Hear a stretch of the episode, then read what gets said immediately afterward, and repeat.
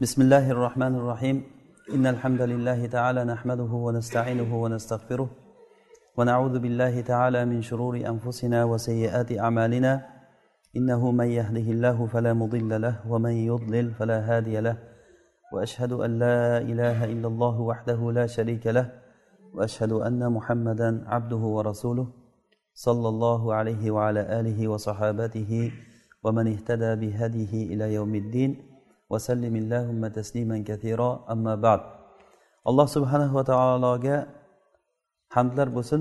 O'zini bizga tanitib qo'yganligiga. Alloh taolo yaxshi ko'rgan bandasiga o'zini tanitib qo'yadi. Alloh taolo o'zini tanitishlik uchun qur'on tushirdi payg'ambarlar yubordi. Payg'ambarlar bizga alloh taoloni kim ekanligini tanitdi. Eng baxtli kishi robbisini tanigan kishi bo'ladi. Kishi ollohni qanchalik tanisa shunchalik allohga ibodat qiladi shunchalik ollohni yaxshi ko'radi va allohdan qo'rqadi.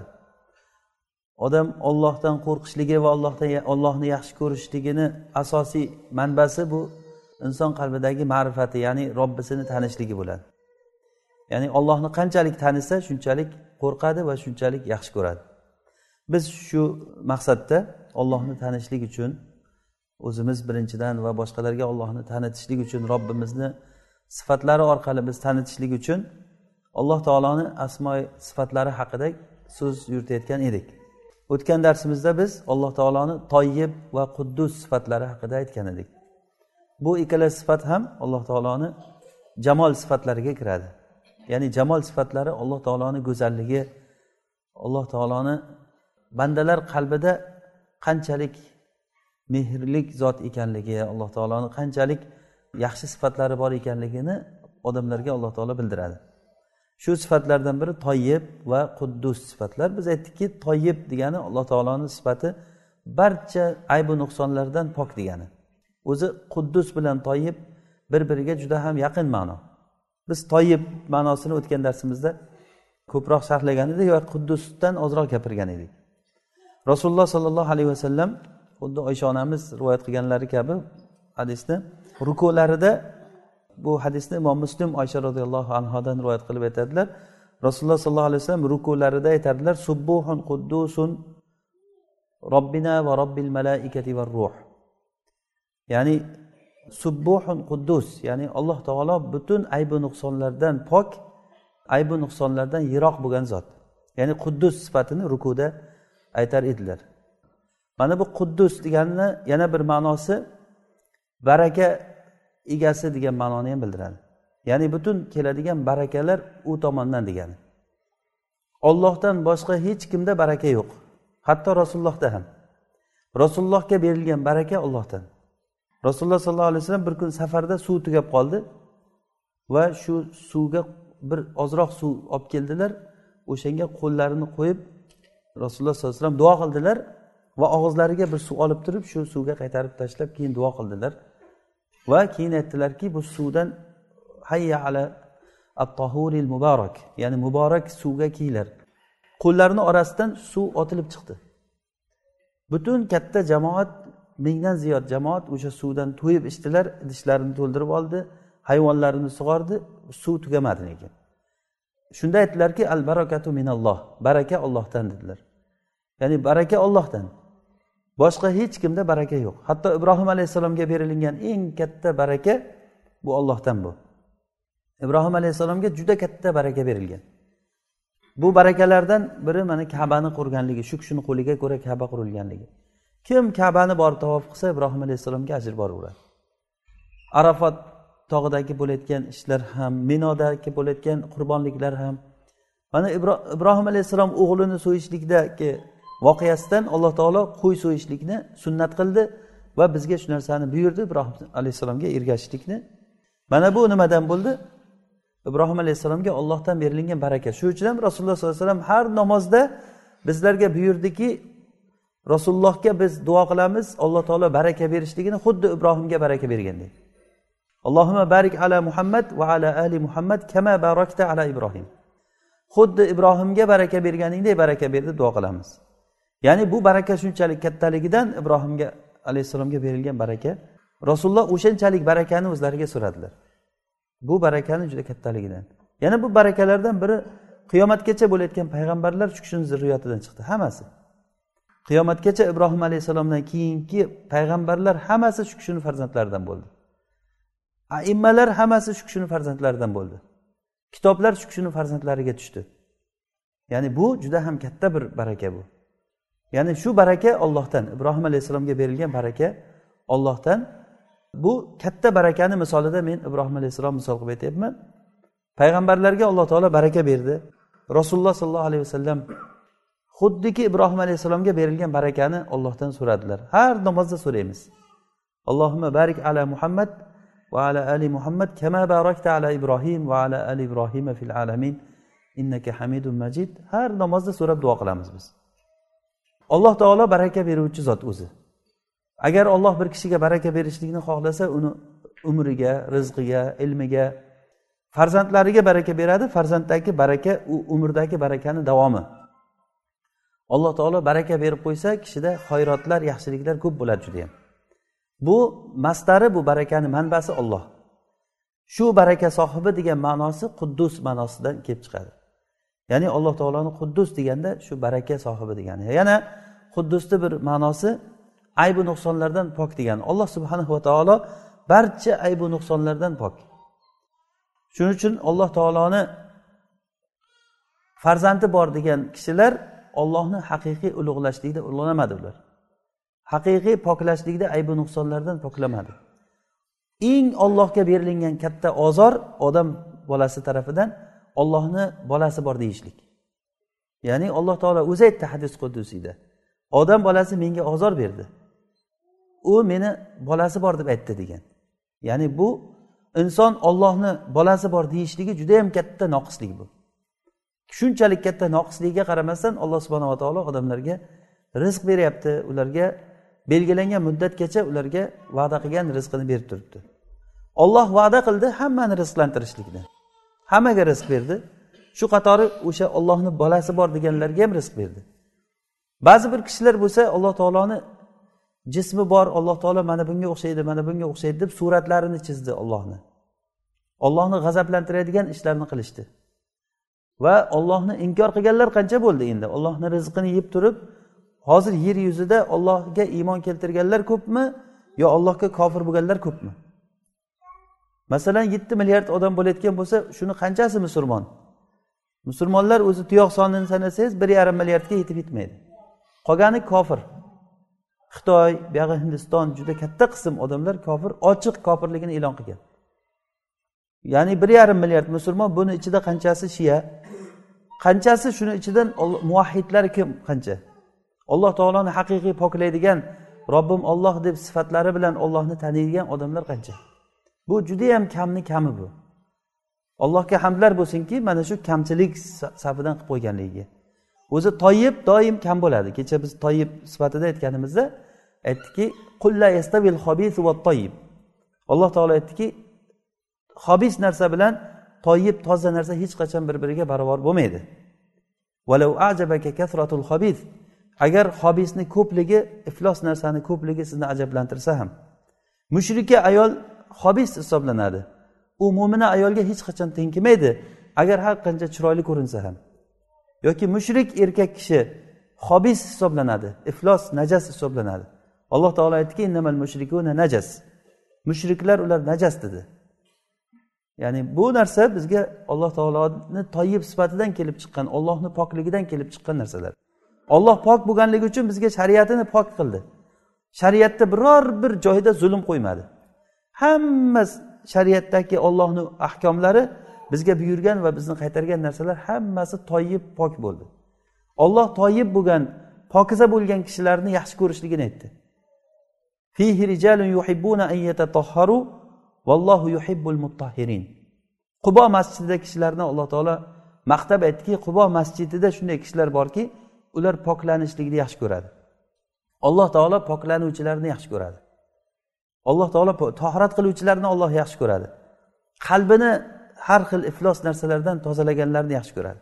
Shuning uchun ham alloh taolo o'zini eng karomat hovlisi bo'lgan jannatni har qanday aybi nuqsonlardan pok qildi. Jannatda biror bir aybi nuqson qoldirmadi. Hatto insonlarda bo'layotgan bir kamchilik inson ichki organlarida bo'layotgan kam nimalar ham iflos narsalar ham umuman jannatda bo'lmaydi. Hatto burundan keladigan yoqimsiz narsalar masalan akramakumulloh. Va ayollarda bo'ladigan hayz nifos istihoza degan narsalar jannatda bo'lmaydi u narsalar. Jannat faqat toyib pokiza joy bo'ldi pokiza kishilar kiradigan bo'ldi. Hatto kishida agar oz bo'lsa ham agar aybi bo'lsa nuqsoni bo'lsa o'shandan poklanib yo olloh kechirish kerak yo bo'lmasa olloh kechirmasa do'zaxga tushib o'sha joydan tozalanib keyin jannatga kirish kerak. Chunki jannat pokiza kishilarni joyi. Bu olloh subhanahu va taoloni pokiza toyib zot ekanligidan mana shu narsalar. Yana quddusni ma'nolaridan biri butun xalq butun tillar uni poklaydigan zot degani. Alloh taoloni qaysi bir xalqqa qarang ollohni poklaydi. Johilligi uchun ollohni poklayman deb turib noqis sifatlar bilan sifatlab qo'ygan. Ba'zi toifalar alloh taoloni poklayman deb ollohni sifatlarini yo'q deyishdi. Lekin maqsadlari ollohni poklash bo'ldi. Mana shu bilan adashib ketdi ular sunnatga ergashmaganligi uchun. Yana quddusni ma'nolaridan biri alloh subhanahu va taolo o'zini kitobida poklaganligi. Ya'ni alloh taolo o'zini kitobida o'zini butun aybu nuqsonlardan ollohni bolasi yo'q ollohni ahli ayoli yo'q alloh taoloni insonlarga o'xshagan sifatlari yo'q. Barcha sifatlar alloh taoloniki komil sifatlar. Alloh taoloni mana shu komil sifatlarini qanchalik biz o'rganar ekanmiz? Shunchalik darajada ollohni qanchalik qudratli kuchli zot ekanligini biz bilib boraveramiz. Ollohni har qanday tasavvur qiling olloh sizni tasavvuringizdan ko'ra boshqacha. Imom ahmad rahimaulloh aytdilarki sen ollohni xayolingda qanday tasavvur qilsang olloh o'shandan boshqacha degan. Chunki alloh taolo qur'onda laysa kamithlihi shayun va huva samiul basir degan. Hech narsa alloh taologa o'xshamaydi. Bizni robbimiz olloh mana shu zotga ibodat qilamiz biz. Zalikumulloh. Alloh taolo o'zini sifatlarini aytib qur'onda qilgan ishlarini aytgandan keyin zalikumulloh mana shu sizlarni robbilaring shu. Shuncha gapdan keyin sizlar qanday sizlar fitnalanib yo'ldan ozdirilib shaytonlarni yo'llariga ergashib ketyapsizlar. Bugungi biz o'rganmoqchi bo'lgan alloh taoloni sifatlaridan biri alloh taoloni qohir va qahhor sifati. Biz o'tgan darslarimizdan ko'p ollohni jamol sifatlari haqida ko'p suhbat qildik. Ollohni sifatlari o'zi yana takror aytamiz ikki xil bo'ladi. Sifatul jamol va sifatul jalal. Sifatul jamal bu alloh taoloni go'zalligini o'rgatadigan sifatlar. Masalan ollohu somad alloh latif alloh karim. Masalan samatni ma'nolarini o'rgandik latif ma'nolarini o'rgandik karim ollohul g'oniy zul quvvatil matin. Mana kechagi darsimizdagi toyib sifati alloh taoloni quddus sifatlari bu sifatul jamal. Bu sifatlarni eshitib qancha sharhlasak bu kam bu. Qanchalik buni sharhiga kirishsak shuncha robbimizni biz yaxshi ko'ramiz. Va ikkinchi sifati alloh taoloni sifatul jalal sifatlari. Sifatul jalal alloh taoloni ulug'ligini azizligini izzatini bildiradi. Masalan aziz. Alloh taolo qahhor sifati mana shu ollohni sifatul jalal. Ya'ni bu sifatni o'rgangandan keyin kishi ollohdan qo'rqadigan bo'ladi. Kim ollohni qanchalik tanisa shuncha qo'rqadi. Ollohdan qo'rqmaydigan kishilar ollohni tanimagan bo'ladi. Shuning uchun ham alloh taolo qur'onda aytdiki min ibadihil ulama alloh taolodan olim kishilar qo'rqadi degan. Nega? Chunki olimlar ollohni taniydi. Agar kim ollohdan qo'rqmayaptimi bilingki u olim emas. Shuning uchun ham imom ahmad rahimulloh aytdilarki laysal ilmu bi rivoya innamal ilmu al xoshiya ilm bu ko'p rivoyat qilishlik bilan bo'lmaydi. Haddasana fulan qola fulan an fulan degan gap bilan bo'lmaydi. Ko'p gapirish bilan ilm bo'lmaydi. Ilm bu qo'rqish degani ollohdan qo'rqishlik. Ollohdan qo'rqqan kishi demak ollohni taniydi degani. Ollohni tanimagan odam ollohdan qo'rqmaydi. Chunki kishi qo'rqmagan kishisidan qanday qilib turib e, tanimagan kishisini qanday qilib qo'rqadi undan yoki tanimagan kishisini qanday yaxshi ko'radi inson? Ollohdan qo'rqishimiz uchun ollohni yaxshi ko'rishligimiz uchun ollohni tanishligimiz kerak. Ollohni tanishlikka birdan bir yo'l o'zi o'rgatgan yo'l. Kitobi sunna. Olloh o'zini qanday tanitdi? Rasuli o'zini qanday tanitdi? Biz mana shu orqali tanisak ollohdan keyin qo'rqamiz keyin yaxshi ko'ramiz. Mana shu olloh bizga tanitgan sifatlardan biri ollohni qahhor va qohir sifatlari. Qohir o'zi lug'atda ustun bo'lish ma'nosida. Bizni ko'pchilik e, ommani tushunchasida qahr degan narsa qahr g'azabni tushunamiz. Balkim men ba'zi kishilarda shu narsani o'ylaymanki hozir ham o'ylab turgan bo'lishi mumkin. Qahhor degani qahr qiluvchi g'azab qiluvchi degan ma'noni. O'zbek tilida shunday qahr g'azab deb ishlatilib o'rganib qolingan lekin arab tilida qahr kalimasi g'olib bo'lish ma'nosida va ustun bo'lish ma'nosida keladi. Shuning uchun ham alloh taolo qur'onda qohiru fawqa ibadihi. Alloh taolo bandalarini ustida g'olib bo'luvchi zot degani. Ya'ni g'olib bo'luvchi nima degani? G'olib bo'luvchi degani alloh taolo butun hamma narsadan g'olib degani vallohu g'olibun ala amrihi alloh taolo o'zini ishida g'olib bir ishni qilmoqchi bo'lsa alloh taolo mag'lub bo'lib turib o'shandan ojiz bo'lib qolmaydi. Masalan valillahil masalul ala inson o'zi yasagan narsasi o'zini aytganini qilmay qolishi mumkin ba'zan. Masalan moshinaga minib ketayotgan kishi ba'zan moshin o'zini aytganini qilmay qolishi mumkin. Bir joyga chiqib ketadi ruli masalan ishlamay qoladi boshqaruv nimasi yo tormoz ishlamay qoladida borib inson bir joyga kirib ketishi mumkin. O'sha moshinni instruktorini o'zi o'sha ixtiro qiluvchisini o'zi muhandisini o'zi o'sha bir joyga kirib ketishi mumkin o'zi yasagan narsasi bilan. Ko'pincha ba'zi odamlarni o'zini qilgan ishi o'ziga halokat keltiradi. Mag'lub bu odam hech narsa qilolmay qoladi. Masalan moshinani ichidagi odam mag'lub bo'ladi moshina tezlik bilan ketayotgan holatda oldingizdan bir narsa chiqib qolsa siz mag'lubsiz hech narsa qilolmaysiz. Tormozni bosganingiz bilan borib turib bir joyga borib uradi odam. Bu insonni bir mag'lubligi ya'ni bir narsani qilaman deysiz qilolmaysiz. Masalan bir yosh bola judayam rahmingiz keladi. Yig'lab yig'lab oldingizda jon beradi siz tomosha qilib turaverasiz. Doktorlar ham hamma yig'ilib keladi ota onasi yig'lab turadi boshida. Doktorjon nima bo'lsang ham bir narsa qiling bir narsa qiling ukol qilasizmi nima qilasiz? Ollohni ishi biz qo'limizdan kelganini qildik bandalik deb turaveradi doktorlar ham. Mag'lub hech narsa qilolmaymiz mana bu olloh taolo g'olib degani qohir degani alloh taolo xohlagan narsasini xohlaganiday qilib turib xohlagan paytida qila oladigan zot degani hech kim ollohni yo'lida ollohni yo'liga chiqolmaydi olloh aziz va qodir bo'lgan zot ya'ni bu qahhor sifati aziz va qodir va tirik zot degan ma'nolarni o'z ichiga oladi. Chunki tirik bo'lmasa qanday qahr qiladi? G'olib qanday g'olib bo'ladi? Qanday aziz bo'lmasa qanday g'olib bo'ladi? Mana bu alloh taoloni qahhor sifati. Qahhor deganligi qohirni mubolag'a siyg'asi ya'ni arab tilida siyg'a mubolag'a deyiladi.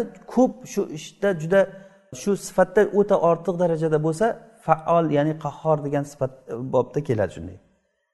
Demak alloh subhanava taolo qahhor zot. Bunda ba'zi bir e, imomlarni men so'zlarini yozib nima qildim?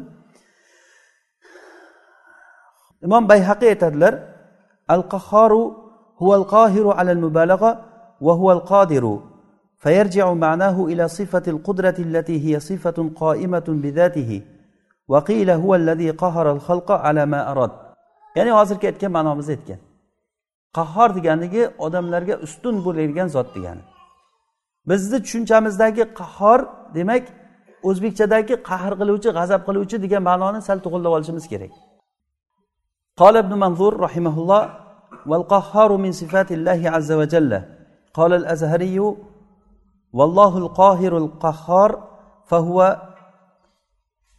qahara xalqahu bi sultonihi va qudratihi va sarafahum ala ma arada tav'an va karha. Ya'ni qahhor deganligi xalqini o'zi xohlaganday bajardi degan ma'noni beradi. Ya'ni xalqini o'zi xohlaganidek bajardi. Buni bitta misoli bizni mana shu shaklimiz ollohni qahri bilan shu shaklga kelgan. Kim olloh bergan shaklni o'zgartirib ko'rsinchi nima bo'ladi? Masalan olloh bizga mana shuncha bo'yimiz shuncha bo'lishligini xohladi. Shaklimiz mana shunday bo'lishligini xohladi o'zini qahri bilan. Qahr deganda demak olloh xohlagan narsasiga qarab yurg'izuvchi degani. O'zi xohlaganday yaratadi o'zi xohlaganday ishni bajaradi. Xohlagan joyiga yomg'ir yog'diradi xohlagan joyida o'tlarni ko'kartiradi xohlagan kishisini aziz qiladi xohlagan kishisini xor qiladi. Xohlaganini boy qiladi.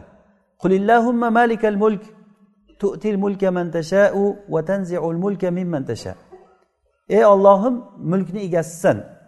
Xohlagan kishingga mulk berasan xohlagan kishingdan mulkni tortib olasan. Xohlagan kishingni aziz qilasan o'zing xohlaganini xor qilasan. Biyadikal xoyr innaka ala kulli shayin qodir yaxshilik o'zingni qo'lingda sen hamma narsaga qodirsan.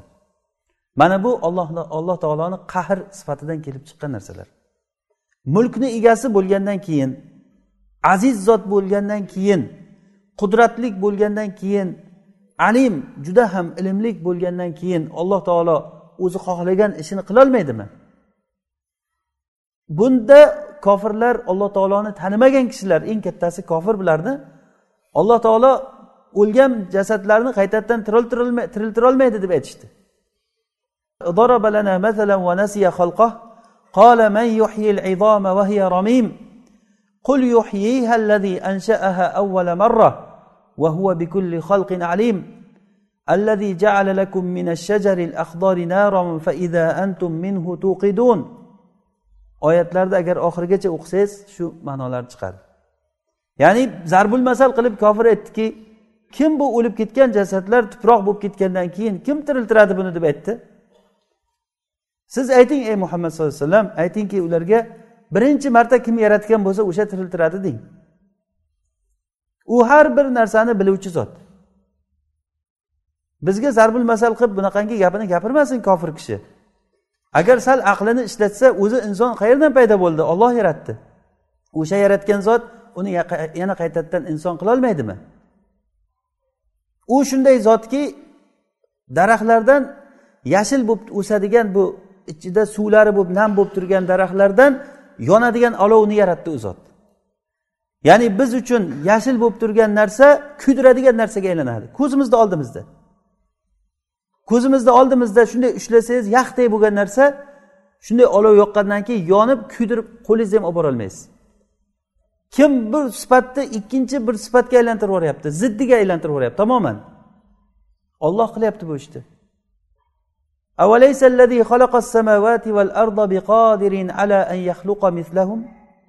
Bala osmonlar va yerni yaratgan zot sizlarga o'xshagan odamlarni yana qaytadan yaratolmaydimi? Yo'q yaratadi alloh taolo. Olloh qodir. Mana shu yaratishligi alloh taoloni mana shu qudrati ollohni qahri degani. Ba'zi bir kishilar alloh taoloni qahrini misolida zolimlarni yo'q qilishligi masalan mana fir'avnni yo'q qildi alloh taolo. Ot samud qabilalarini yo'q qildi olloh mana shuni ollohni qahri deb tushunadi. To'g'ri lekin bu ollohni qahrini bir bo'lagi bu. Ollohni qahri degani olloh xohlagan ishini xohlagan paytda qila oladi degani. Mana shu qilishligidan biri fir'avnni halok qilishligi. O'sha qilishligidan biri yosh bolani jonini olishligi alloh taoloni. Bu yosh bolada nima ayb? Masalan agar alloh taolo qahhor sifati g'azab qiluvchi ma'noni beradigan bo'lsa yosh bolani jonini oladi alloh taolo unga kasal beradi. Haligi ukollar ketmay qoladi ba'zi bolalarga. Qarab o'tirsangiz haligi doktorlar yosh bolaga ukollarni tiqishlik paytida ko'rsa inson judayam rahmi keladi odamni. Ichi achiydi qo'lingizda bo'lsa o'sha odamga bir narsa qilib yordam berib yuborgisi keladi. Hamma odam qalbida rahmati bor. Lekin olloh arhamur rohimin o'sha zot shu bolaga shu narsani ravo ko'rdi. Nega? O'zi biladi uni. O'zi biladi. Mana bu alloh taoloni qahr sifati bu. Demak biz tushundikki ollohni qahri degani bu g'azabi degani emas bu. O'zbek tilida qahr g'azab bitta ma'noda bir bir biriga ma'nodosh ma'noda tushunamiz biz. Lekin arab tilida qahr kalimasini g'alaba ma'nosida tushunishimiz kerak g'olib ma'nosida.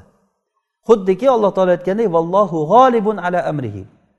Xuddi shuni rasululloh sollallohu alayhi vasallamni buxoriy rivoyat qilgan hadisda rasululloh sollallohu alayhi vasallam ko'pincha panoh tilardilar. Allohimma inni audu bika minal hammi val hazan val buxli val jubni. O'sha hadisni davomida va dol iddayni va g'alabatir rijal va g'alabatir rijal abu davud rivoyatida qohri rijal deb kelgan. Ya'ni odamlar g'olib bo'lishligidan menga g'olib bo'lishligidan panoh tilayman degan. Odamlarni g'olib bo'lishligi masalan qarzdor bo'lib qolsa odam mag'lub bo'lib qoladi. Hech ilojini topolmay qolsa mag'lub bo'ladi. Nuh alayhissalom duo qildi inni mag'lubun fantasir. Ey robbim men mag'lub bo'ldim. O'zing yordam bergin dedi. Alloh taolo u kishiga yordam berdi. Shunday quyiladigan suvlar bilan biz osmon eshiklarini ochib yubordik degan. Butun yer yuzini suv bosib ketdi. Alloh taoloni bu yerda qudrati g'olibligi ko'rindi. Ollohni g'olibligini bitta misoli muso alayhissalomni payg'ambar qilib chiqarishligini xohlagan olloh fir'avn ollohni ishiga qarshi chiqaman deb turib o'zicha butun tug'ilgan chaqaloqlarni so'yib o'ldiradigan fir'avn o'sha bolani o'zi pul berib o'zini uyida emizib katta qildi. Ollohni qahri mana shunday tushunishimiz kerak biz. Olloh shunday zotki bir ishni qilaman desa o'sha odamni o'ziniga qildiradi. Qilmayman desin hech yoqqa borolmaydi inson. Burnini yerga ishqab shu narsani qildiradi. Oxiri fir'avn shu muso alayhissalomni qo'lida halok bo'ldi baribir. Hammasini yig'ib olib kelib dengizni shunday ochdida dengizni ichiga olib kirib shunday ustidan yopib qo'ydi. Mana bu alloh taoloni qahri bu. O'sha qilgan zot mana shunday qilgan zot yosh bolalarga beradigan kasalni ularga beradigan musibatni ham olloh beryapti mana bu alloh taoloni qahri demak ollohni qahri deganda biz ollohni g'olibligini hamma narsaga qodir qilaman degan ishini xohlagan paytda qila olishligini tushunishligimiz kerak ibn qayim rahimaulloh xuddi shu ma'nolarda o'zini nuniyasida aytgan ekan وكذلك القهار من أوصافه فالخلق مقهور بالسلطان لو لم يكن حيا عزيزا قادرا ما كان من قهر ومن سلطان qahhor sifati alloh taoloni sifatlaridan bu ollohni zotiy sifatlaridan ya'ni zotiy sifatlari degani olloh subhanahu va taoloda azaldan abadiy mana shu narsa bor bo'lgan sifat bu degani ollohdan boshqa maxluqotlar hammasi alloh taoloni kuchini saltanatini tagida degani ollohni mulki degani bular Agarda alloh taolo tirik va qudratlik va aziz zot bo'lmaganda edi birorta bir qahr yo birorta bir kuchni yoki sultonlikni biz ko'rmagan bo'lardik. Biz koinotda ko'rayotgan hamma kuchlar ollohni qahridan alloh taoloni qudratidan bo'lyapti. Keyin ibn qayim rahimaulloh bir ajib ma'noni aytdilarki alloh subhanahu va taoloni qahhor sifati ollohni vahdoniyati bilan tavhid bilan mutalozim dedi. Ya'ni alloh taolo qahhor bo'lishligi uchun yolg'iz bo'lishligi shart degan. Chunki qahhorni ma'nosi ustun degan g'olib bo'luvchi degan ma'noni tushunsak u g'olib bo'luvchi ustun bo'lishligi uchun yolg'iz bo'lishi kerak. Ya'ni buni yana ochiqlab tushuntirsak alloh subhanava taolo o'zini qahhor va vahid ekanligini shuning uchun ham qahhor sifati al vahid degan ollohni sifati bilan bir joyda kelgan. Vahuval vahidul qahhar. Qur'onda oltita o'rinda kelgan. Vahuval vahidul qahhar. Ya'ni qur'onda oltita o'rinda kelgan al vahid qahhor bilan birga kelgan. Nega? Chunki qahhor yolg'iz bo'lishligi shart degani. Yolg'iz bo'lmasa qahhor bo'lmaydi. G'olib bo'lishlik uchun bitta bo'lishi kerak. Mana shuni tushuntirishlik uchun ham alloh subhanahu va taolo bir biriga zid bo'lgan narsalarni kuchlarni yaratdi. Xuddi ibn qayim aytganlaridek makana min qahrin vala sultoni biror bir qahr sulton bo'lmasdi alloh taolo agar hay tirik va qudratlik va aziz zot bo'lmaganda edi. Masalan alloh taolo suvni mag'lub qildi suv suv suv mag'lub bo'ldi shamolni oldida shamol suvni o'ynatadi. Shamol suvlardan katta bir to'fonlarni tashkil qiladi. Yoki suvni ko'tarib turib shamol olib keladi odamlarni ustiga. Demak suvdan shamol nima bo'lyapti? G'olib. Suv mag'lub bo'lyapti. Lekin suv olovni oldida g'olib. Olov har qancha olov yonib yotgan bo'lsa ham suv uni o'chirib qo'yadi. Demak olov har qancha kuchli bo'lsa ham oldidagi narsani kuydirib yuborayotgan bo'lsa ham suvni oldida mag'lub bo'ladi pisitib o'chib qoladi. Olovni oldida shunday kuchli bo'lgan temir olovni oldida mag'lub bo'ladi. Olov temirni eritib yuboradi qancha qudratli bo'lgan temir? Masalan tosh tog'i toshlar shamol qancha qudratli bo'lsa ham tosh tog' uni qaytarib qo'yadi. Lekin tog'ni temir teshadi. Toshlar temirni oldida mag'lub bo'ladi. Lekin temir olovni oldida mag'lub bo'ladi. Olov suvni oldida mag'lub bo'ladi. Suv esa havoni oldida mag'lub bo'ladi. Har bir narsalar bir biridan mag'lub. Hatto shunchalik biz uchun qudratli bo'lib ko'ringan saltanati bor bo'lgan katta katta podshohlar ham kimnidir oldida tiz cho'kadi. Mana shu mag'lubligini insonni mag'lubligini bir misoli kasal bo'lishligi. Hech kim kasal bo'lmayman deyolmaydi uni mag'lubligini bir misoli insonni o'lishligi oddiy. O'lmayman deb har yoqqa qochsin temir jelezabetonni ichiga kirib o'tirsin ham agar o'lim baribir uni oldiga kirib boradi. Xuddiki o'limdan odamni qochishligini rasululloh sollallohu alayhi vasallam yerdan qarzdor bo'lgan tulkiga o'xshatgan. Tulki yerdan qarzdor ekan. Qayerga borsa yer e, tulki qarzim bermaysanmi deb so'rar ekan. Yerdan qochish uchun oxiri qochib shu yer bezor qildi meni deb yugurib borib iniga kirib olibdi tulki. Iniga kirib o'tirsa sekin haligi yer aytar ekan ey tulki qarzimni qachon berasan? deb. Odam o'limdan qochib qayerga boradi? O'lim xuddi shunday bizni quvib keladi. Xuddi bizni rizqimiz orqamizdan qanday quvib yetib boryapti. O'lim ham xuddi shunday yetib boradi yoki buni aksi hadisda o'zi aksi kelgan. O'lim sizlarni qanday yetib borsa rizqlaring ham xuddi shunday sizlarni orqalaringdan yetib boradi degan.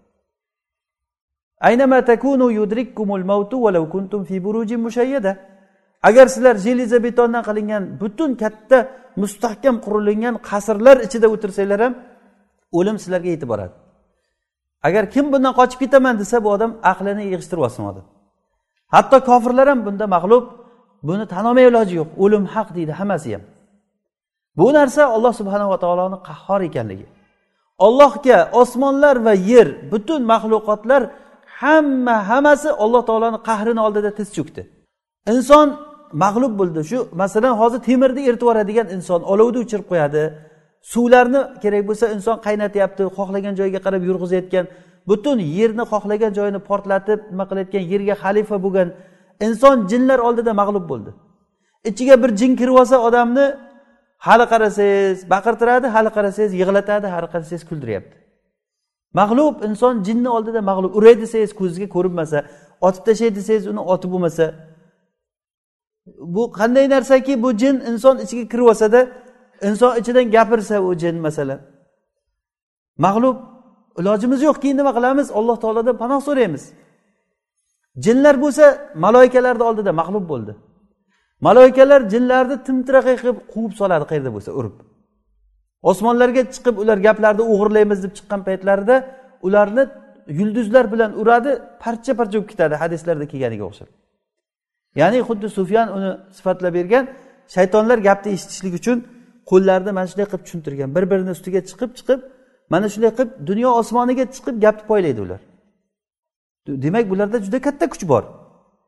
Biz masalan eng katta deb ko'rayotgan masalan kosmos kosmik kemalari ham shu fazoda uch yuz ellik to'rt yuz kilometr tepada uchadigan narsalar. U osmon yulduzlar dunyo osmonida. Endi bilmayman unga sanoq yetmasa kerak kilometrga olsak nechi kilometr tepada u? Jinlar o'shanga ostim ustun ostim ustun bo'lib dunyo osmoniga chiqib farishtalarni olloh buyurgan ishlarda gapilgan gaplarini o'g'irlaydi ular. Masalan kimnidir jonini olish kerak nimadir ish qilish kerak alloh taoloni buyurgan buyrug'ini bir biriga gapirgan joyida bu dunyo osmonidagi bo'layotgan gap. Jinlarni gap jinlar unga quloq solib eshitgani chiqqan paytda farishtalar o'shalarni yulduzlar bilan urib parcha parcha qilib tashlaydi. Demak bular mag'lub farishtalarni oldida mag'lub. Farishtalar bo'lsa insonlarni xizmatida. Alloh taolo butun farishtalarni va eng ulug' farishta farishta bo'lib ham arshni ko'tarib turadigan. Arshni ko'tarib turgan farishtalar arshni atrofidagi eng ulug' farishtalar alloh taologa tasbeh aytadi va iymon keltirgan kishilar uchun haqqiga duo qilib turadi. Farishta shunday katta ulug' farishtalar insonni xizmatiga qo'yilgan har kuni insonni saqlash uchun tushiriladi farishtalar. Ularga buyurilgan ish mana shu insonlarni ollohni izni bilan saqlab yuringlar. Alloh taolo rad surasida aytadiki lahu muaqibatun min bayni yadayhi va min xalfihi yahfazunahu min amrillah. Insonni oldidan orqa tomonidan saqlab yuradigan farishtalar bor. Ollohni amri bilan. Har bitta insonga yelkasiga farishtalarni alloh taolo o'tkazib qo'yibdi. Buni qilgan ishlarini yozadigan. Shunchalik katta kiroman katibin. Alloh taolo ularni kirom ulug' ulug'lar deb ismlagan. Kiromin barara. Ya'ni ularni pokiza hurmatli kishilar karim insonlar karim maxluqlar deb alloh taolo ularni sifatlagan. Ya'ni farishtalarda hech qanaqangi ayb nuqson degan narsa yo'q. Ollohni buyurgan narsasini qilayotgan. Mana shular insonga xizmat qiladi. Jannatga inson kirish paytida eshiklarni ochib farishtalar qolu salaman salama salomat bo'lsin tibitum xush kelibsizlar jannatga kiringlar biz sizlarni dunyoda ham do'stlaring edik oxiratda ham biz sizlarni do'stlaringmiz deb farishtalar odamlarni kutib oladi. Shunday katta farishtalarni olloh subhanava taolo insonni xizmatiga qo'yib qo'yibdi. Nima uchun? Ollohni qahri uchun bu. Butun osmon farishtalarini hammasi buni sanog'ini olloh biladi. Mana yer yuzi qanchalik katta masalan yer yuzi. Bu yer yuzi bu osmonlarni oldida nima bo'lib qoladi? Osmonlar kursini oldida xuddiki katta cho'l joyga tashlangan halqaga o'xshab qoladi. Halqaga o'xshab qoladi. Endi shunchalik katta osmonlarda birorta bir to'rt barmoq siqqilik joyi yo'q illo o'sha yerda bitta farishta bor. Osmon farishtalarga tiqilib ketganligidan g'irchillagan ovoz chiqaradi degan rasululloh sollallohu alayhi vasallam. Osmon g'irchillagan ovoz chiqardi. g'irchillagan ovoz chiqarmasligini iloji ham yo'q unga. Biror bir barmoq siqqilik joyi yo'qki illa o'shanda bitta farishta boshini qo'yib sajdada ey robbim men senga haqiqiy ibodat qilolmayapman deb tasbeh aytib turadi. Men aytmoqchimanki shunchalik katta ko'p farishtalarni hammalarini olloh subhanava taolo insonni yaratgan paytda odamga sajda qilinglar deb aytdi. Odamga sajda qilinglar degan paytda hamma farishtalar sajda qildi. Illa iblis shayton ularni orasidan ajralib chiqib qoldi. Olloh shuni xohlagan edi. Jin shayton e, shayton o'sha joyda farishtalardan ajralib o'zi kimligi ma'lum bo'ldi. Ya'ni shunchalik ulug' bo'lgan katta farishtalarni shunchalik katta sondagi maxluqotlarni alloh taolo loydan yaratgan insonga sajda qildirdi. Bu ollohni qahri bu. Shuning uchun ham o'zini katta oladigan odamlar aytganim aytgan deganim degan bo'lishi kerak degan odamlar ozroq to'xtab ollohni qahri haqida ozroq o'ylab ko'rsa bo'ladi. Alloh subhanava taoloni qahrini bilgan kishi hech qachon o'zini katta olmaydi. O'zini katta olmaydi. O'sha uchun ham qahr bu ustunlikdan kelib chiqadi. Inson agar ustunlik nisbatini o'ylab ko'rsa kim ustun? Ustun bo'lib turib sen osmonga nima bo'lasan ustun bo'lasanmi? Ya'ni la tamshi fil ardi maraha. Alloh taolo aytdiki yerda sen faxrlanib yurmagin. Sen yerni tepib oyog'ing bilan teshib yuborolmaysan yoki boshing baland bo'lib turib osmonga yetolmaysan. Bir sakrasang joyingga kelib tushasan yana. Inson shunchalik muhtoj bo'lgan inson o'zini katta oladi. Demak bu katta olishlik qahrni bilmaganligidan shuning uchun ham alloh taolo va amma saila fala tanhar va ammal yatima fala taqhar. Yetimniga qahr qilma dedi alloh taolo. Ya'ni nima degani qahr qilma degani? Hozir mana tushundik endi qahrni ma'nosini. Va ammal yatima fala taqhar va amma saila fala tanhar. Ya'ni yetimga qahr qilma degani yetimga o'zingni ustun tutma degani. Doim odamlar yetimdan o'zini ustun tutadi.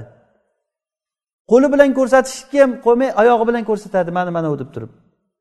Mana bu o'zini ustun tutganligidan odam. Agar alloh subhanahu va taoloni qahrini o'ylab ko'rsa inson hech kim o'zini katta olmaydi. Buyuk zot ollohu akbar. Hamma narsadan ustun bo'lgan zot olloh subhanava taolo. Shayxul islom ibn taymiya rahimaulloh mana shu ma'noda aytgan ekanlarki alloh subhanahu va taoloni qudrati ollohni qahri ollohni rahmati va mehribonchilik bilan bog'liq hikmati bilan bog'liq. To'g'ri alloh taolo qahr qiladigan zot ya'ni qahr deganda xohlagan ishini bajaradigan zot lekin xohlagan ishini xohlaganidek qiladi hikmat va ilm bilan qiladi. Rahmat mehribonchilik bilan qiladi. Ollohni rahmati alloh taoloni qahri alloh taoloni rahmati alloh taoloni g'azobidan ustun bo'ldi.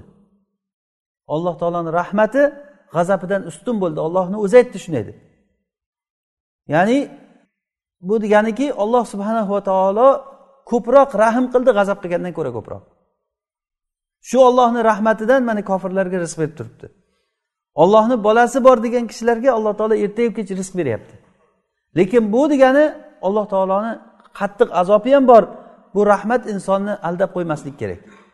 Ya ayyuhal insanu ma g'arraka bi robbikal karim. Ey inson seni karim robbingdan nima aldab qo'ydi deydi. Inson alloh taoloni karamidan alloh taoloni beraverganligidan aldanib qoladi. Lekin alloh taolo beradi alloh taolo rahim zot. Lekin joyi kelganda alloh taolo azob beradigan zot. Nabbi ibadi anni anal g'ofurur rahim va anna azabi huval azabul alim. Meni bandalarimga aytib qo'yginki men g'afurur rahim zotman. Ya'ni kechiradigan rahmlik zotman. Lekin meni azobim qattiq azob. Ollohni azobidan qo'rqaylik. Biz o'ylagan narsadan boshqa narsa chiqib ketib qolsa nima bo'ladi borganimizda? Alloh taolo aytadiki qur'onda ular ollohni oldiga borgan paytda ular o'ylagan narsadan boshqacha narsa ko'rinib qoldi. Salaflar mana shu oyatni o'qib yig'lar ekanlar. Borganimizda bizga boshqa narsa bo'lib qolsa nima bo'ladi? Ollohni ilmida biz kimmiz o'zi? Ollohni huzuridagi ollohni ilmida bizni qadrimiz qancha? Olloh kofirga ham rizq beryapti boshqaga ham rizq beryapti. Biz o'ylamaylikki biz mo'min bo'lganligimiz uchun rizq beryapti deb. Olloh o'zini zimmasiga olganligi uchun rizq beryapti bizga. Bu narsa bizni aldab qo'ymasligi kerak. Ma'siyat qilgan odamlarni ma'siyat qiladi qiladi olloh rizq beraveradi. Mana bu ollohni rizq berishligi ularni g'ururlantirib aldab qo'yadi. Keyin bir joyga borgandan keyin qattiq azobga giriftor bo'ladi. Alam taro kayfa faala robbuka biad? Iromazatil imad.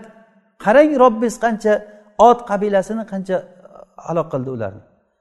Ularday odamlarni alloh taolo yaratmagan edi juda katta baquvvat odamlar edi lekin alloh taoloni qahri bilan o'sha odamlarni halok qildi. Ya'ni bu bizdan o'tgan oldingi o'tgan ummatlardan qancha qanchasini alloh taolo halok qildi. Nuh alayhissalomni qavmi va qavma nuhin min qabl innahum kanu hum azlama va atg'o nuh alayhissalomni qavmi ular zolim edi tug'yonga ketgan edi. Val mutafikata ahva va lut alayhissalomni qavmi halok bo'lib ketdi.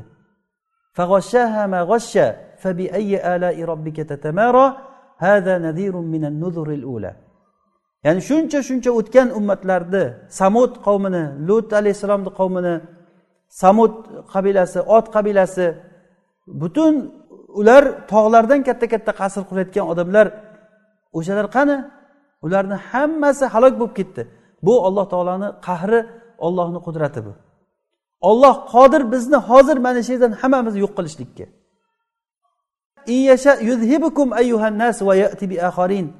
Ey insonlar agar olloh xohlasa sizlarni ketkizib yo'q qiladi. O'rnilaringga boshqani olib keladi. Olloh qodirmi yo'qmi? Shuning uchun ollohdan so'raymizki alloh taolo bizni o'zini yo'lida xizmat qildirsin. Alloh taolo bizni almashtirmasin boshqalarga. Bizni yo'qotib o'rnimizga boshqa odamlarni olib kelishligi mumkin. Agar olloh xohlasa olloh qodirki biz alloh taologa akram bo'lgan alloh taologa o'tkazib qo'ygan joyimiz yo'q. Alloh taoloda bizda muttahamchiligi yo'q ollohni bizdan. Allohga shukur qilaylik alloh taologa xizmat qilaylik. Ollohdan so'raylikki alloh taolo o'zini yo'lida sobit qilsin hammamizni. Bu rasululloh sollallohu alayhi vasallamni hadislarida hozirgi aytgan buxoriy rahimaulloh rivoyat qilgan hadisda allohimma inni auzu bika minal hammi val g'ammi yoki val hazan ba'zi rivoyatlarda val ajzi val kasali val jubni val buxli va g'alabati dayn buxoriy rivoyatda vadol iddayni va qahri rijal mana shu duo bilan rasululloh sallallohu alayhi vasallam ko'pincha duo qilardilar. Ey ollohim men sendan panoh tilayman g'amga tushishlikdan qayg'uga tushishlikdan xafalikdan qo'rqoqlikdan va baxillikdan va qarzga botib qolishlikdan va odamlar oldida mag'lub bo'lishdan panoh tilayman. Qahri rijal ya'ni mag'lub bo'lishlikdan panoh tilayman degan. Mana shuni bir misolida men odamni mag'lub bo'lishligiga bir misol tariqasida sibavay rahimaullohni hikoyasini aytmoqchi bo'ldim.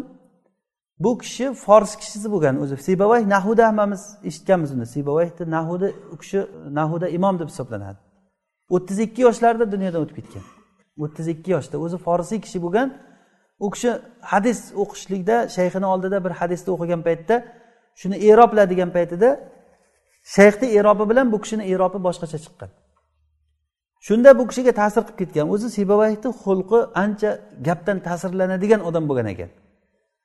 Keyin men nahu ilmini o'rganaman mana shu ilmda juda puxta o'rganaman deb qasd qilib u kishi o'zi asli basralik bo'lgan shayxni oldiga borib turib boshqa nahu shayxini oldiga borib turib nahu o'rganib hatto qisqa muddatda o'zini sheriklaridan judayam oldinlab ustunlab ketgan. Ya'ni u kishi bir kitob degan kitob yozgan al kitob degan. Ya'ni al kitob nahuda unaqa kitob nahuda yozilmagan. Yani undan oldin ham keyin ham yozilmagan. Hozirgacha ham shu nahuda al kitob degan sebavayni kitobi judayam nahuda juda katta o'rinda turadigan kitob. Qisqasi u kishi bir kun nimada? Bag'dodda xalifa bag'dodda bo'lgan shunda. Xalifani vaziri yahya al barmakiy degan kishini oldiga borib turib shuni mehmoni bo'lgan. Shunda kisai bilan munozara bo'lib qolgan. Kisai kufalik nahuvchi bu kishi basralik bo'lgan. O'zi odatda nahu e, nimalarni umuman olganda basra bilan kufa odamlari bir biriga qattiq tortishuvlari bo'lgan shunaqa ishlarda. Chunki oldingi xalifalar umaviylar xalifasi paytida basraliklar ancha kuchli bo'lib ketganligidan keyingi abbosiylarga o'tganda abbosiylar ko'proq kufaliklarni e'tiborga olishganligidan o'rtada katta bir tortishuvlar bo'lgan. Yahyal barmakiyni oldida qisqasi vazir yahyal barmakiy horun rashidni vaziri bo'lgan. Keyin bir irob to'g'risida o'sha idal fijaiya deydi nahuda ida degan gap keladi. Masalan xorajtu fa ida zaydun. Chiqdim men zaydni ko'rdim deganday shundan keyingi erob nima bo'ladi deb so'ralinganda sibava aytgan uni bitta vajhi bor u ham bo'lsa raf bo'ladi. Idal mufajiyada undan keyingi ismda kisoya aytgan yo'q uni ikkita vajhi bo'ladi degan. Lekin sibavoy aytgan ekanki men aniq bilaman uni bitta vajhi bor. Keyin bo'lmasa o'rtamizda bitta arobiyni olib kelib turib qishloqda yashaydigan haqiqiy sof arabni olib kelib turib hukm qilaylik hakam qilaylik degan. Bo'pti degan sibavoy juda xotirjam bo'lgan bu ishiga. Keyin haligi arabni olib kelishda u arab haligi nima haqiqiy qishloqlik arabga ular kisaini odamlar pul bergan ekan. Kisaini aytgan gapida aytasan degan. Keyin haligi vazirni oldiga kelgandan keyin aytgin gapingni deganda mana bu gapni sizlarda nima deyiladi? deganda kisaini pulini olganligi uchun yoki ba'zi rivoyatlarda kisai xalifaga yaqin odam bo'lganligi uchun men buni og'iz tarafini olsam menga foydasi tegib qoladi deb uni tomonini olib gapirgan. Kesaini gapini to'g'ri degandan ana shu narsa bu kishiga qattiq ta'sir qilgan. Qattiq ta'sir qilgan uyiga kelgan dunyodan o'tgan. Ya'ni hatto bu uydan o'sha xalifani oldidan chiqishlikda vazirni oldidan chiqishlikda kesai buni o'lganni ustiga tepgan qilib ey vazir bu kishi hozir gapdan ancha yutilib qolganligi ham ta'sir qildi ozroq pul ham berib yuboring bu kishiga degan ekan. Bu aytgan gapi yana ham o'tib ketgan. Shu shu chiqqan uyga kelgan ozroq vaqtdan keyin dunyodan o'tgan miyasiga qon quyilgan ya'ni. Mana bu g'alabatir rijal ya'ni qahri rijal ya'ni odamni mag'lub bo'lishligi. Rasululloh sollallohu alayhi vasallam mana bunday mag'lub bo'lishlikdan panoh tiladilar. Inson inson borki munofasa tortishuv masalan hayotni alloh taolo shunday tortishuvlik qilib yaratdi. Doim tortishuv nimada? Bu degani sen haq bo'lsang ham nohaq bo'lsang ham ustun bo'l tortishsang birovni yengib chiq hech qachon yengilma degani emas bu. Ya'ni g'olibatir rijal degani nohaq kishilar meni ustimdan g'olib bo'lishlikdan panoh tilayman degani. Bu xuddiki undan oldinda hadisda masalan men qarzga botib qolishlikdan panoh tilayman dedilar. Chunki qarzga botishlik bu insonni xorlikka olib keladi. Rasululloh sollallohu alayhi vasallam qarz bo'lishdan ko'p panoh tilardilar. Oysha onamiz aytganlarki rasululloh siz juda ko'p qarzdan panoh tilaysiz deganda agar odam qarzdor bo'lsa va'da qilsa xilof qiladi agar gapirsa yolg'on gapiradigan bo'lib qoladi. O'sha uchun ham qarzdan dol uddayn yoki e, qarzga botib qolishlik ba'zi nimalarda g'alabatuddayn. Ya'ni qarz menga g'olib bo'lib ketishligidan panoh tilayman degan. Bu alloh taolo agar insonni qarzga botiraman desa inson o'zi aqlli bo'lsa ham qarzga tushib qolaveradi. Qarzi yo'q odamlar men hech kimdan qarzim yo'q deb maqtanganini ko'rasiz. Hech kimdan qarz emasman. Bunda maqtanayotgan narsa emas ollohni fazlini aytish kerak bu yerda. Allohga hamdlar bo'lsinki qarzdor qilib qo'ymadi hech kimdan deb. Rasululloh sollallohu alayhi vasallam men qarzdor bo'lib qolishlikdan panoh tilayman dedilar. Inson o'zi o'ylamagan joydan qarzdor bo'lib qolishligi mumkin. Masalan muhammad ibn sirin qarzdor bo'lib qolgan. Hatto shu qarzi uchun qamalib ham chiqqan. Qarzini berolmaganligidan odamlar kelib talab qilgan qoziga shikoyat qilganda muhammad ibn sirinday kishini olib borib qamashgan. Qarzini beray desa hech narsasi yo'q. Ollohni qadari bilan inson bir tijorat qiladi yo bir narsa bo'ladi katta bir muflis bo'lib qoladi. Muflis degani ya'ni bankirot bo'lib hech narsasiz bo'lib qolishligi mumkin. Rasululloh sollallohu alayhi vasallam mana shunday qarzdor bo'lib qolishdan panoh tiladilar va yana qahrur rijaldan ya'ni odamlarni oldida mag'lub bo'lishlikdan panoh tiladilar. Mag'lub bo'lishlik masalan musulmonlarni mag'lub bo'lishligi juda katta xorlikni olib keladi. Shuning uchun ham urushlarda nusratni rasululloh sollallohu alayhi vasallam so'raganlar. Haq doim botilni ustidan g'olib bo'lishligini so'raymiz. Haq g'olib bo'lishligi uchun haqni himoya qiladigan odamlar g'olib bo'lishi kerak. O'sha odamlarda kuch quvvat bo'lishi kerak. Ularda birinchi o'rinda ilm bo'lishi kerak. Haq nusrat bo'lishligi uchun bid'at hozir ustunmi yo sunnat ustunmi? Qayerga qarasangiz bid'at sunnatni qilayotgan odamlar mag'lub. Uchta to'rtta odam masjidda agar yo boshqa bir joylarda sunnatni qiladi shunday yog' suvni ustidagi yog'day ko'rinib turadi ular. Muttaham yana o'sha sen odam unaqa qilyapsan bunaqa qilyapsan deb sunnatni qilganligi uchun tili qisqa. Bu qahri rijaldan bu. Odamlar oldida mag'lub bo'lganligidan qachon haq botilni oldida tiz cho'kib botilni oldida qiladigan haq kalimasini yashirib o'zini aytmoqchi bo'lgan aqidasini aytolmasdan u demoqchi bo'lsa bunisini aytib odamlarga buni aytmoqchi edim asli meni maqsadim bu aytolmayman haqni gapirolmayman mana bu narsa qahri rijaldan odamlarni mag'lub bo'lishligidan kishilarni oldida. Mana bundan rasululloh sollallohu alayhi vasallam panoh tiladilar. Biz panoh tilaymizki mana shunday bo'lishligidan alloh taolo o'zi haqni haqqa chiqarsin. Alloh taoloni qahr sifati demak bu ustun bo'luvchi degan. Demak alloh taoloni mana shu ustun bo'lishlik sifatidan biz o'rganadigan sifatul jalal bu. Mana bundan bizni olayotgan narsamiz biz tavozeni olamiz. Alloh taoloni qanchalik darajada biz agar g'olib ekanligini bilsak shunchalik darajada ollohni bandalariga biz o'zimizni tumshug'imizni ko'tarmaymiz qo'pol aytganda. Kimki agar ollohni bandalariga tumshug'ini ko'tarib o'zini katta olib kibrlanib birovlarni bepisand qilib imar qilib gapiryaptimi? U odam johil ollohni qahhorligini bilmaydi. Vallohu g'olibun ala amrihi la ya'lamun. Hozir men mana shu alloh taoloni vahidul qahhor sifatlari kelgan oltita o'rinni o'qib bermoqchi edim. Yusuf surasida alloh taolo aytadiki yusuf alayhissalomni tiliga ko'ra ya sohibay sijni arbabu mutafarriquna khayrun amillahul vahidul qahhar? Qamoqda yusuf alayhissalom qamoqdagi kishilarga va'z qilib turib aytdilarki har xil mutafarriq bo'lgan sizlarni roblaring yaxshimi yo vahidul qahhor bo'lgan olloh yaxshimi? Albatta alloh taolo vahidul qahhor bo'lgandan keyin hamma narsadan ustun bo'lgan zot faqat bitta bo'ladi. Mana shunday o'rinlardan alloh taolo oltita o'rinda keltirgan qur'onda oltalasi ham vahidul qahhor bo'lib kelgan. Ya'ni qayerda qahhor sifati kelsa al vahid bilan birga qo'shilib kelgan. Nega? Chunki ibn qayim aytganlaridek qahhor zot bitta bo'lishligi shart degan. Qahhor zot faqat bitta bo'ladi. Qahhor degani g'olib bo'luvchi ustun. Butun maxluqotlariga ustun. Qilaman degan ishini olloh qiladi.